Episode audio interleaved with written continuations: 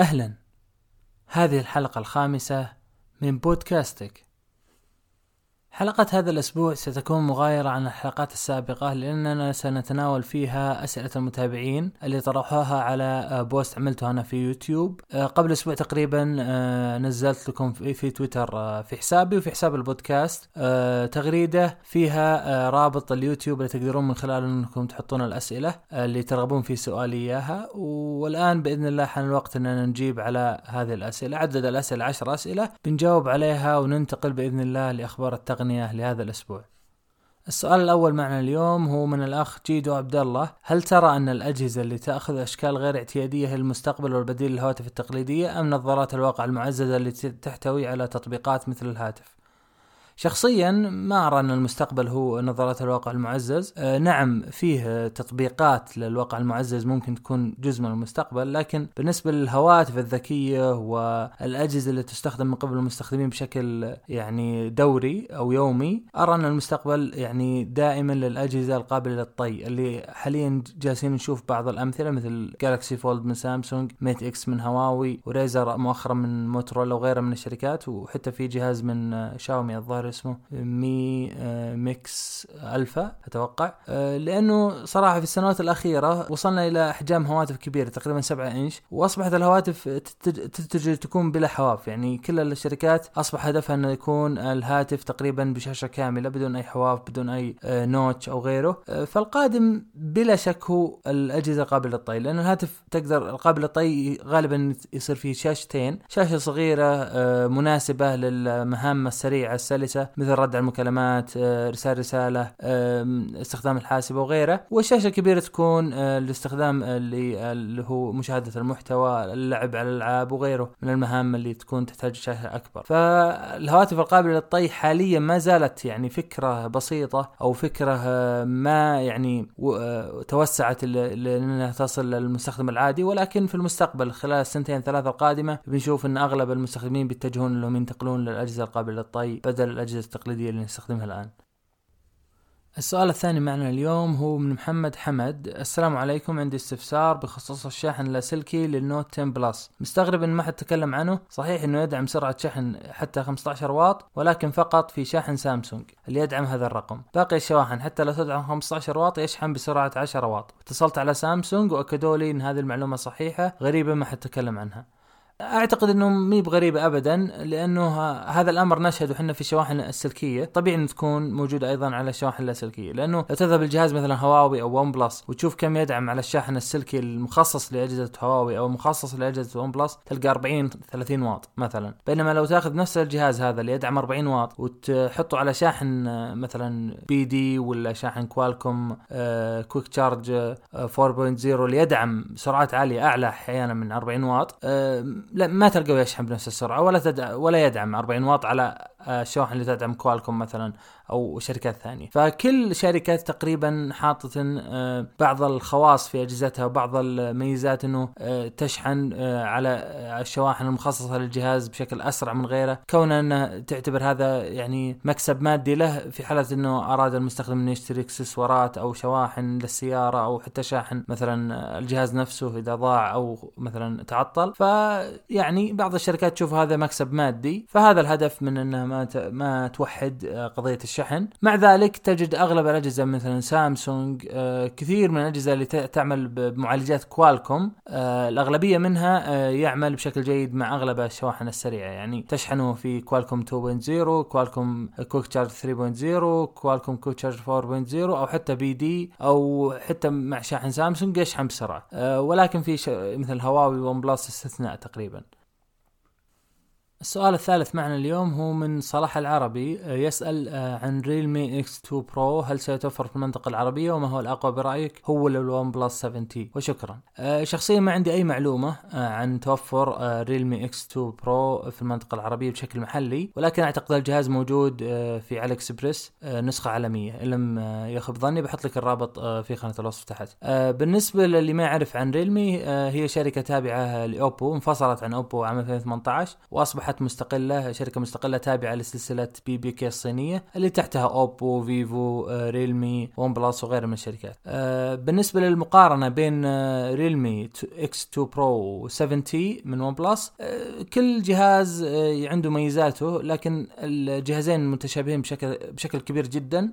Realme تفوق في سرعة الشحن من 0 ل 100 ب 35 دقيقة. أيضا يتفوق إنه يملك منفذ 3.5 ملم حق السماعات. وأيضا سعره أقل من 70 ال 70 تفوق من ناحية software آه، واجهه OnePlus بسيطة وممتازة وسريعة وسلسة آه، تعتبر من أفضل واجهات الأندرويد. آه، أيضا امتلاك ال 7T لذاكرة من نوع UFS 3.0 أسرع من ال UFS 2.1 الموجوده على ال Realme فكل جهاز يملك نقاط قوة وضعف واختر اللي يناسبك. والله يوفق الجميع. السؤال الرابع معنا اليوم هو من الأخ سعيد ناصر يسأل السلام عليكم جهازي Note 9 واريد تفعيل ال VoLTE ولا أجد في الإعدادات خيار التفعيل أم أنه يجب التواصل مع المشغل وبعدها يظهر خيار في الإعدادات؟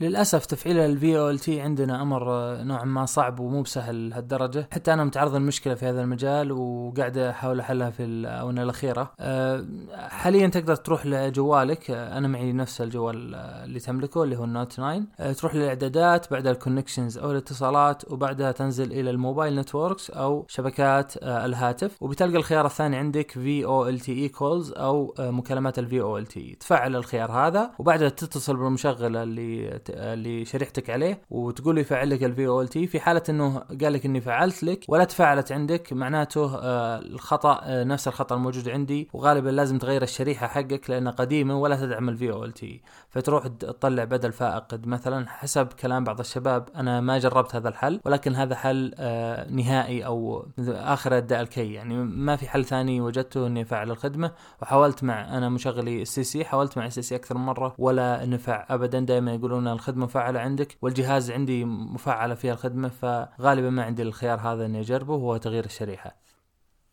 السؤال الخامس معنا اليوم هو من الأخ محمد الهوساوي إذا جهازي ميت 20 برو حدثته وما أعجبني التحديث فأبغى أرجعه للتحديث القديم. هل أقدر وكيف؟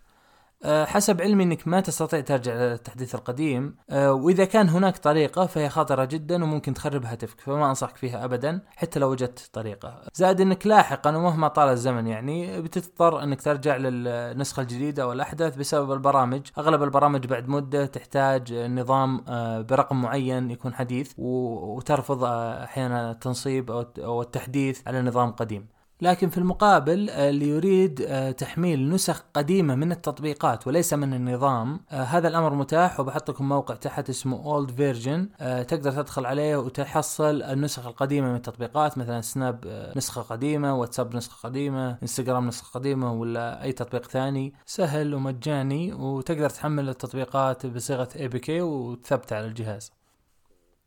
السؤال السادس معنا اليوم من الأخ حسن SBN ما رايكم في اقتناء OnePlus 7T Pro McLaren ولوحي سامسونج Tab S6 سرعة التحديثات الأداء الإنتاجية سامسونج والقلم رايكم يهمني. شخصيا ما كنت امتلكت جهاز OnePlus آه، ابدا ولكن حسب معلوماتي البسيطه ان OnePlus تملك آه، أحد أفضل واجهات آه، الأندرويد على الإطلاق. واجهة سريعة سلسة خفيفة تعطي المستخدم كل ما يحتاج من الأساسيات وأكثر. الجهاز ممتاز جدا OnePlus 7 سواء OnePlus 7 Pro أو OnePlus 7T Pro الجهازين مقتربين جدا من بعض ما في فرق شاسع يمكن الفرق اللي هو Snapdragon 855 Plus وهو مجرد رفع سرعة المعالج وليس معالج جديد كليا عن المعالج اللي في ال OnePlus 7 Pro كل هذا Snapdragon 855 وهذا Snapdragon 855 Plus. ما أعرف أنا شخصيا تجربة شخصية ما جربت ولكن آه، الجهاز جدا عليه مدح الجهاز ممتاز جهاز سريع جهاز ذو كفاءة يعطيك آه، قيمة مقابل سعر ممتاز. آه، فيعني ينصح فيه كثيرا. يعني أحد أفضل الأجهزة بلا شك في عام 2019 خاصة مقابل السعر اللي بتدفعه بالنسبة لل Tab S6 أنا الجهاز أستخدمه الآن وممتاز جدا وأنصح فيه كثيرا خاصه للي بيمتلك تابلت تجربة التابلت سواء في القراءة في التصفح في الكتابة في مشاهدة الفيديوهات مشاهدة نتفليكس وغيرها من الأشياء الرائعة جدا. يعني شاشة الجهاز مبهرة السماعات رائعة القلم ووظائف القلم اللي يستخدم القلم بكثرة بتكون جدا جدا مفيدة. وسعر الجهاز تقدر تحصل النسخة ال 128 مع 6 RAM تقريبا 550 دولار وحول السعر هذا على أمازون. عليه تخفيض الآن بمناسبة Black Friday. بحط لكم روابط الشراء تحت. وفيه أيضا معلومه فيه لوحي من هواوي على وشك إنه يعلن عنه. أتوقع بعد يومين اللي هو اسمه MediaPad Pro فممكن يصير منافس قوي للسامسونج Tab S6 فاللي عنده نية يشتري ممكن ينتظر يشوف المواصفات ويقارن وبعدها يقدم على خطوة الشراء أفضل. السؤال السابع معنا اليوم من الأخ محمد بهاء آه، أبغى أشتري لابتوب للتصفح وال Word وشغل خفيف حدودي المالية 1500 اعطنا المواصفات والشركة. شخصيا آه، ما أرى ابدا آه، أن الإنسان يرضخ لشركات معينة في ال laptopات خصوصا إذا كان يريد لابتوب نظام ويندوز، لأن المصنعين الويندوز كثر جدا، في شركات حتى ما تصل عندنا بالسوق المحلي، فأفضل طريقة للحصول على اللابتوب المنشود هو إنك تناظر المواصفات الداخلية للجهاز نفسه، غالبا بتجد الكثير من ال laptop ال laptopات تحمل آه، نفس آه، المعالج نفس ال RAM نفس الذاكرة وغيرها من الأشياء المشتركة بين ال laptopات. فما تفرق كثير اسم الشركة Asus Lenovo HP غيرها من الشركات. الفروقات أحيانا تكون آه، ليست بذلك يعني المستوى. دائما إذا أنت تريد لابتوب للتصفح لل Word للشغل الخفيف دائما احرص إنه يكون المعالج آخر جيل يعني الجيل الحالي لمعالجات Intel هو الجيل الثامن 8th generation i5 يكون يكون i3 يكون i5 أو أعلى. آه يكون الذاكرة الداخلية SSD وليست HDD. هذه مهمة جدا جدا وتكون مثلا 128 أو أكثر. أحيانا بعض ال laptopات يجي آه مثلا 64 فيه عليه النظام ويجي 1 تيرا بايت HDD للتخزين. هذا أيضا مقبول ولكن الأفضل هو إنه يكون النظام آه على 128 آه وأكثر.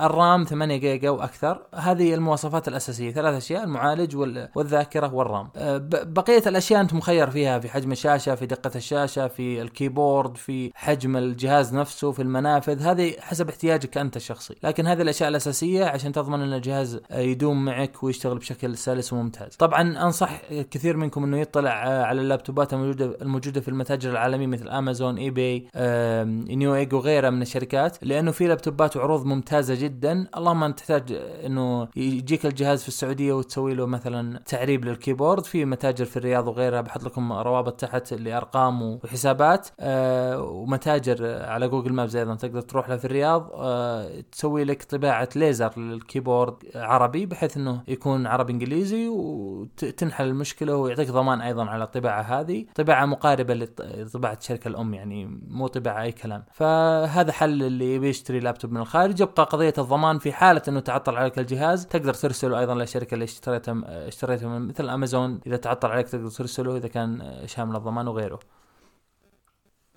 السؤال الثامن معنا اليوم من الأخ موسى آه، الجهني آه، لماذا شركات مثل هواوي وواجهتها ثقيلة جدا وحتى كمقارنة مع خصائص مع واجهات سامسونج نجد أن حقة سامسونج أخف بكثير؟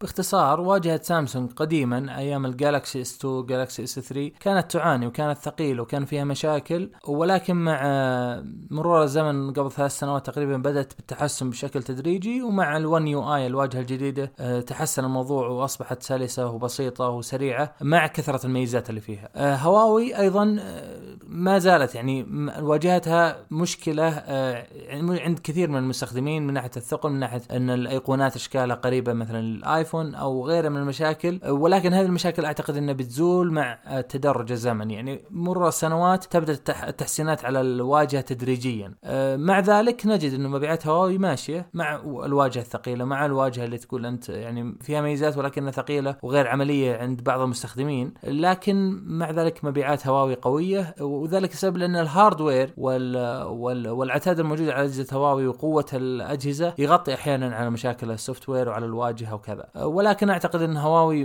لن تغفل هذا الموضوع بتطور الواجهة حاليا أو لاحقا.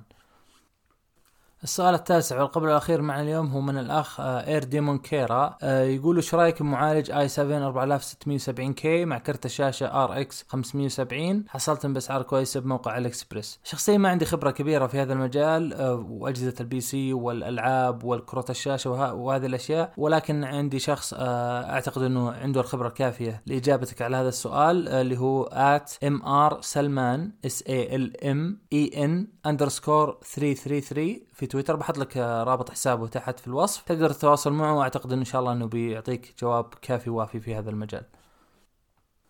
السؤال العاشر والأخير من الأخ أحمد القرني أه لو عندي تطبيق سواء حملته أو أساسي من النظام وقفلت صلاحيات فتح الكاميرا أو غيره من الصلاحيات هل مستحيل أن يحصل هذا التطبيق؟ أه بعض الصلاحيات اللي قمت في بإغلاقها. أه نعم إذا كنت أغلقت جميع الصلاحيات الخاصة بتطبيق معين التطبيق ما يقدر يدخل على أي شيء أه تبع الصلاحيات مثلا أنا أغلقت الميكروفون في واتساب. تطبيق الواتساب لا يستطيع سماع أي شيء أه من خلال ميكروفون الجهاز. أه لكن لو تفكرها بشكل منطقي أغلب التطبيقات تتطلب على الأقل نوع أو نوعين من الصلاحيات عشان تشتغل أصلا. فمثلا تطبيقات المحادثة مثل واتساب تليجرام وغيره إذا اغلقت جميع الصلاحيات ما تبقى قادر تسوي شيء. آه، أقل شيء لازم تفتح التخزين عشان تقدر تتحادث مع الناس وتستقبل صور وتستقبل فيديوهات وتستقبل آه، يعني آه، رسائل صوتية. لازم تفتح الميكروفون أيضا عشان ترسل رسائل صوتية. لازم تفتح الكاميرا إذا كنت تريد إرسال صورة من خلال الواتساب اللي هو تصور من خلال تطبيق الواتساب نفسه. أيضا لازم تفتح ال location في حالة أردت إنك ترسل الموقع الخاص بك آه، على واتساب مثلا أو على تليجرام. فبالتالي إغلاق الصلاحيات آه، كلها بيجعل تجربة التطبيق أصلا تجربة سيئة جدا. فما أنت بقادر أصلا تمنع التطبيقات